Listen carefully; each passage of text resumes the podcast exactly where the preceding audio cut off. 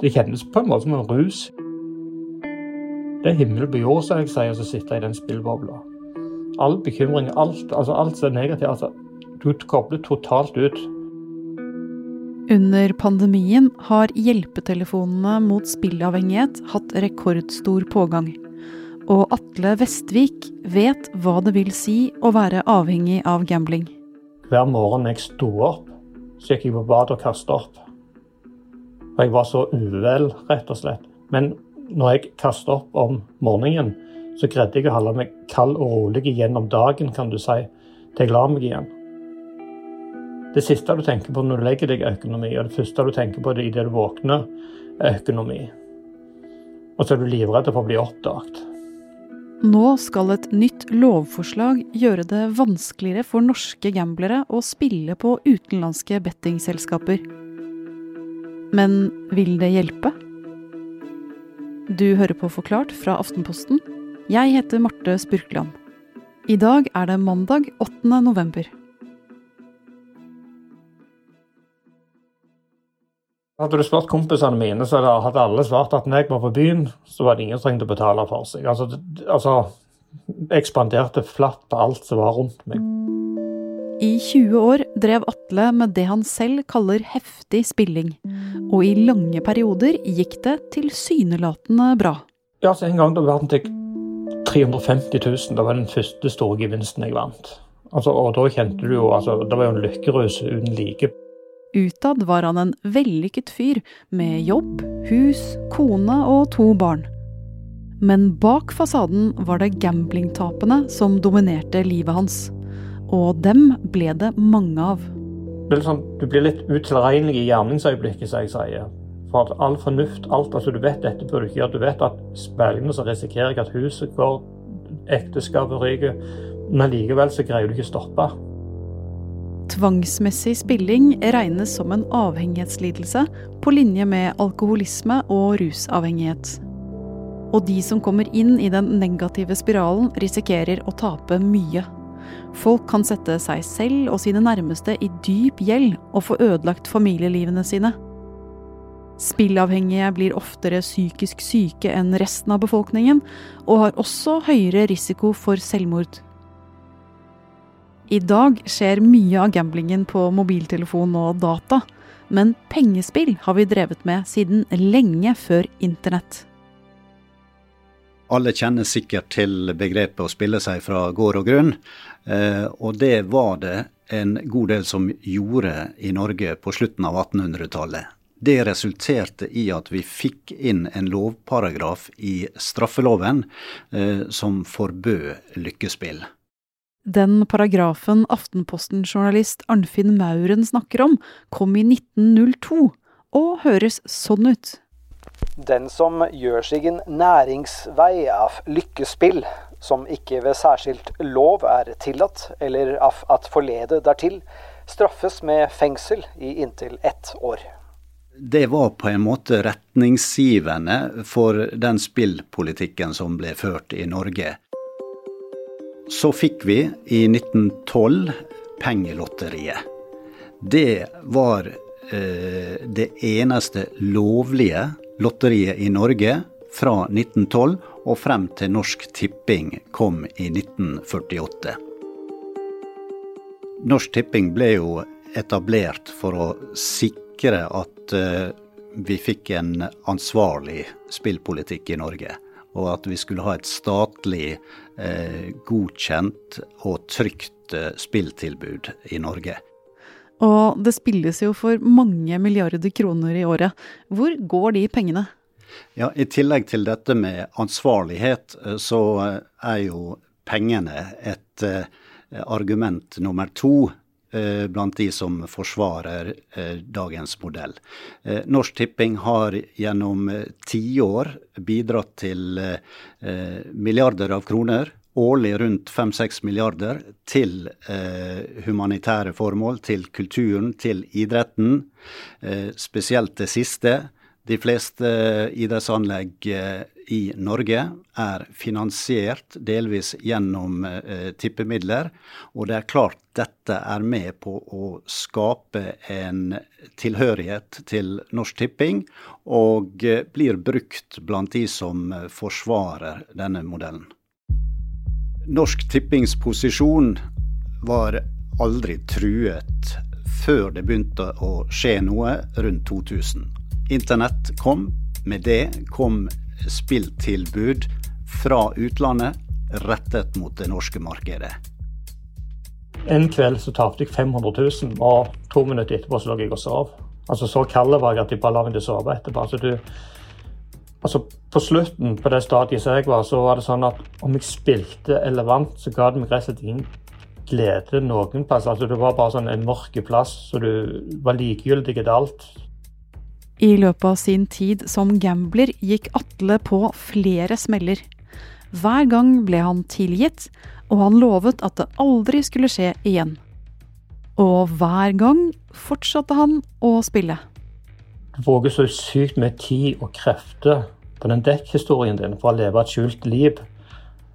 Og du merker jo ikke hvor mye før du endelig legger kortet på bordet og forteller dette. Det er da du kjenner den der hvor mye energi du har brukt på dette. på en måte.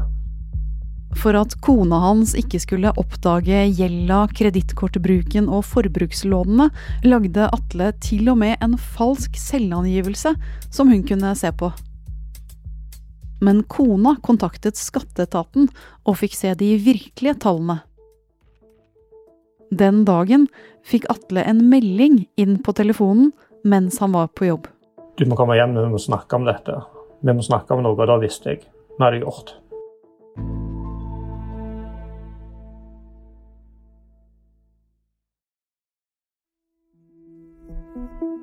Etter at det ble mulig å spille på alle verdens internettkasinoer på 2000-tallet, innførte myndighetene forskjellige lovendringer for å hindre utenlandske spillselskaper å nå norske kunder.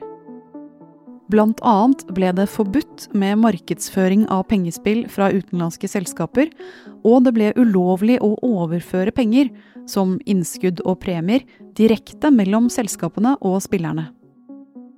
Og snart skal Stortinget stemme over et nytt lovforslag som skal gjøre det enda vanskeligere å spille på utenlandske nettsider. Ja, det handler om eh, såkalt DNS-blokkering. Vi vet at eh, alle disse nettsidene har et, eh, et navn.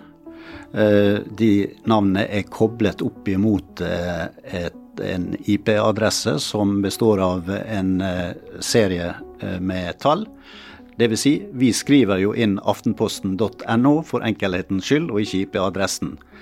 En DNS-blokkering er en, eh, en blokkering av kommunikasjonen mellom navnet og IP-adressen. Så når du skriver inn navnet på spillnettsiden, så blir du ikke sendt til IP-adressen, fordi koblingen er blokkert. Og forslaget om DNS-blokkering har bred støtte i folket. En undersøkelse viste at 70% av oss ønsker blokkering av utenlandske spillselskaper. Men vil lovendringen faktisk gjøre det umulig å få tilgang til alle utenlandske spillselskaper? Nei, eh, det vil være en misforståelse hvis noen tror det. Eh, her kommer det til å skje separate vedtak for hvert enkelt selskap, som Lotteritilsynet må vurdere individuelt. Det finnes 3000 eh, utenlandske spillselskaper, og de selskapene som vil bli blokkert sannsynligvis, er de selskapene som retter markedsføringen sin direkte inn mot Norge. Det er jo TV-reklame, det er reklame på sosiale medier, og det er nettsider på norsk. Så de spillnettsidene som ikke retter seg spesielt mot det norske markedet, vil fortsatt være åpne, mens bare de som faktisk prøver å nå norske brukere, vil bli stengt. Eh, Arnfinn, tror du mange vil komme seg rundt disse blokkeringene?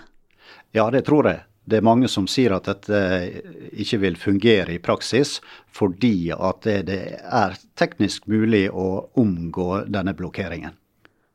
Så hvordan hjelper det da? Det vil nok gjøre det vanskelig for mange, spesielt uh, nye, potensielle nye spillere, som uh, kanskje vil synes at det, dette er for vanskelig, dette er for komplisert, og så dropper å gå inn på sidene. Og det er kanskje der myndighetene håper å få en effekt, at de vil stanse nyrekruttering til disse sidene. Men ikke alle er enig i at det er så bra å gå inn og blokkere nettsider man ikke liker. Uavhengig av eh, hvordan man eh, ser på gambling og spill og hvilke personlige oppfatninger man har om dette, så reiser jo dette noen eh, litt grunnleggende spørsmål eh, om bl.a. sensur. Vi har, eller Norge har benyttet seg av blokkering tidligere når det gjelder f.eks. barnepornosider og noen piratsider. Så er spørsmålet hvor langt skal man bevege seg i å benytte seg av denne type blokkering for å hindre at befolkningen får tilgang.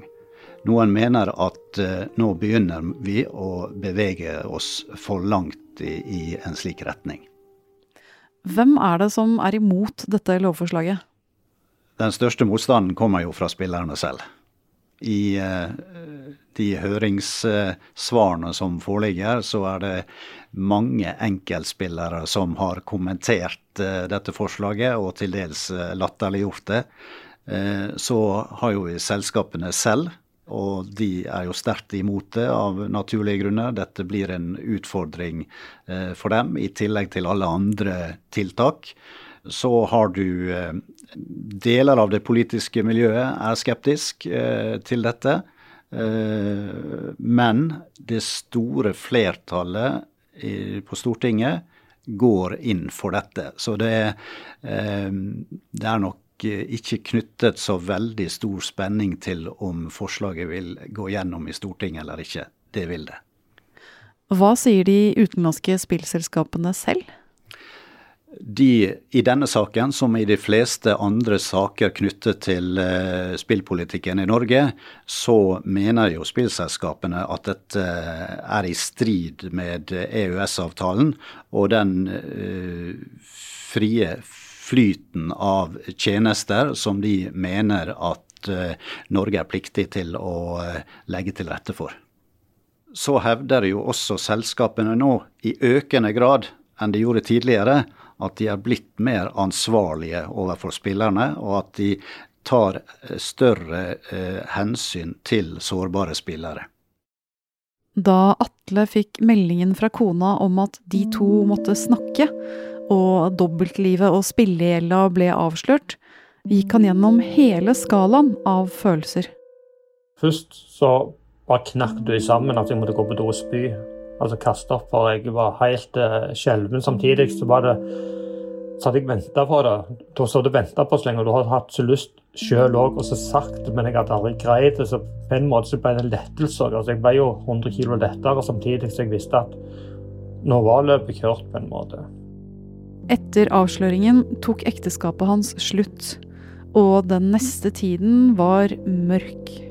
At da var psyken helt på bånn. Altså altså da gikk du ifra å ha en spillavhengighet, du gikk til et uh, ekteskapsbrudd, du mista jobb, du hadde stor økonomisk hengende over deg. altså alt, Hele verden raste sammen. Så det var perioder der jeg eh, Du våkna, du lå bare kikket i taket, du orket ikke stå opp fra senga engang. Du, du kom ikke lenger ned, på en måte. Hvordan han skulle klare å betale pengene han skyldte, ante han ikke. Og for hver dag han lå i senga og stirret i taket, ble gjelda hans enda litt større.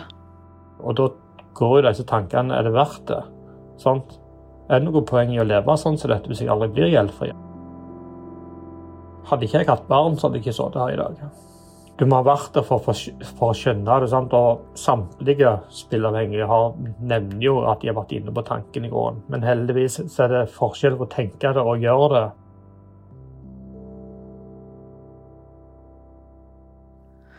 Arnfinn, vet vi om det faktisk fungerer å stenge ute disse andre selskapene og bare gamble på Norsk Tipping? Altså, kommer det nye lovforslaget til å endre noe for spillavhengige? Det gjenstår jo å se. Men eh, at tilgangen på spill har betydning for spilleavhengigheten, det, det viser forskning, og det viser eksempler.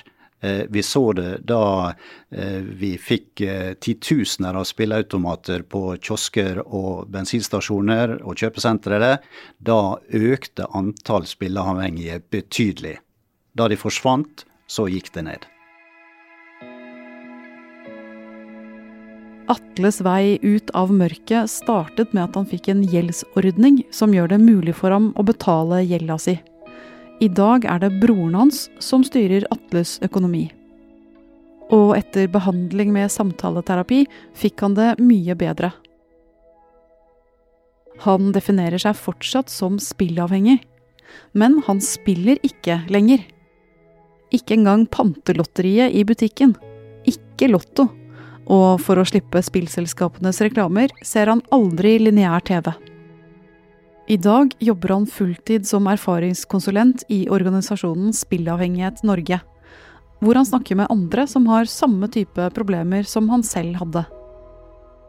Jeg har det mye bedre i dag. Nå har jeg ikke spilt på over seks år.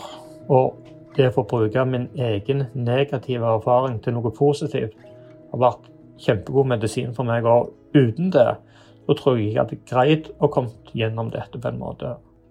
Men samtidig så vet jeg at hadde jeg trykt en gang på et kasino, så hadde jeg vært tilbake der jeg var for seks år siden. Jeg vet jo aldri, altså jeg kan ikke garantere at jeg aldri mer kommer til å spille. Og jeg tenker aldri sånn at jeg aldri mer skal spille. Jeg tenker at jeg skal ikke spille i dag. Jeg tar kun én dag om gangen. Det er kun dagen i dag. Og jeg starter hver dag med å si til meg sjøl Atle, i dag skal jeg ikke spille. Og så skrøyter jeg av meg sjøl på kvelden. Kjempebra. I dag har du ikke spilt.